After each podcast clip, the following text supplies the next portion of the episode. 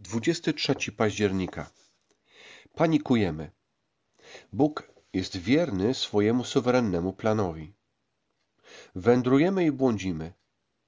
Bóg rozróżnia koniec od początku. Modlimy się. Bóg odpowiada z mądrością i łaską. W niebie po prostu nie ma paniki. Bóg nigdy się nie niepokoi. W Trójcy nie ma zamieszania. Bóg nigdy nie załamuje rąk, żałując, że nie podjął lepszej decyzji. Nigdy nie martwi się o to, co się wydarzy, ani nie stresuje się tym, jak wszystko się ostatecznie skończy. Bóg nigdy nie jest zaskoczony. Nie da się go przyłapać na tym, że jest jeszcze nieprzygotowany. Nigdy nie znajduje się w sytuacji, która go przytłacza. Bóg nigdy nie czuje się nieprzygotowany lub w potrzebie. Nigdy nie żałuje, że się bardziej nie postarał. Nigdy w niczym nie zawodzi. Nigdy nie składa obietnic, których nie może dotrzymać. Nigdy nie zapomina, co powiedział albo co chce dalej robić. Bóg nigdy sobie nie zaprzecza i zawsze jest tym, kim twierdzi, że jest. Jest wszechmocny i absolutnie doskonały w każdym wymiarze, wierny swemu słowu, włada nad wszystkim, co istnieje, jest definicją miłości i jednocześnie jest sprawiedliwy i prawy oraz delikatny i cierpliwy. Nie daje się zaskoczyć ani rozproszyć naszą paniką i naszymi pytaniami. O nie. Jego suwerenna łaska maszeruje dalej naprzód. Fragment z listu do Efezjan. I powiedział do wszystkich takie słowa: Jeśli kto chce pójść za mną, Niechaj się zaprze samego siebie i bierze krzyż swój na siebie codziennie i naśladuje mnie.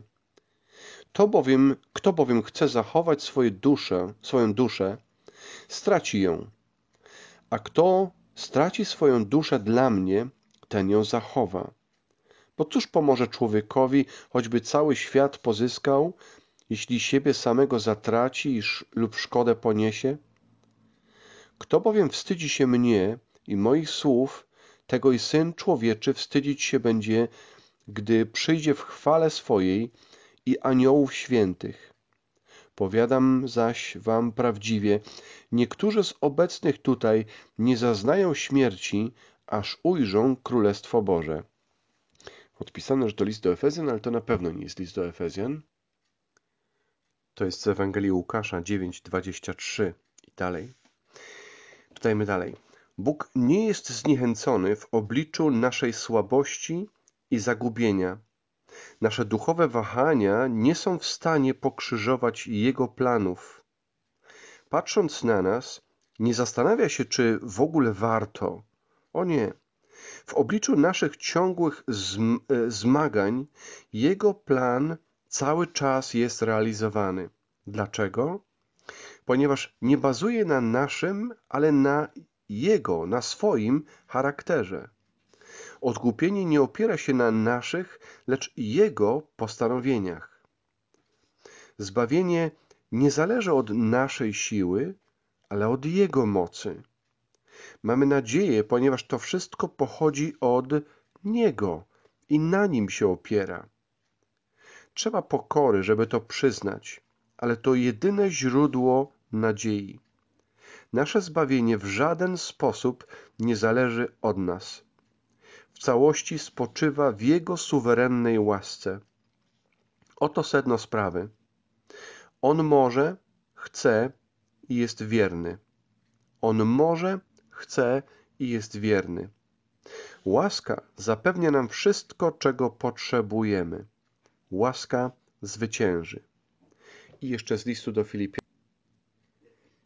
4:19 A Bóg mój zaspokoi wszelką potrzebę waszą według bogactwa swego w chwale w Chrystusie Jezusie.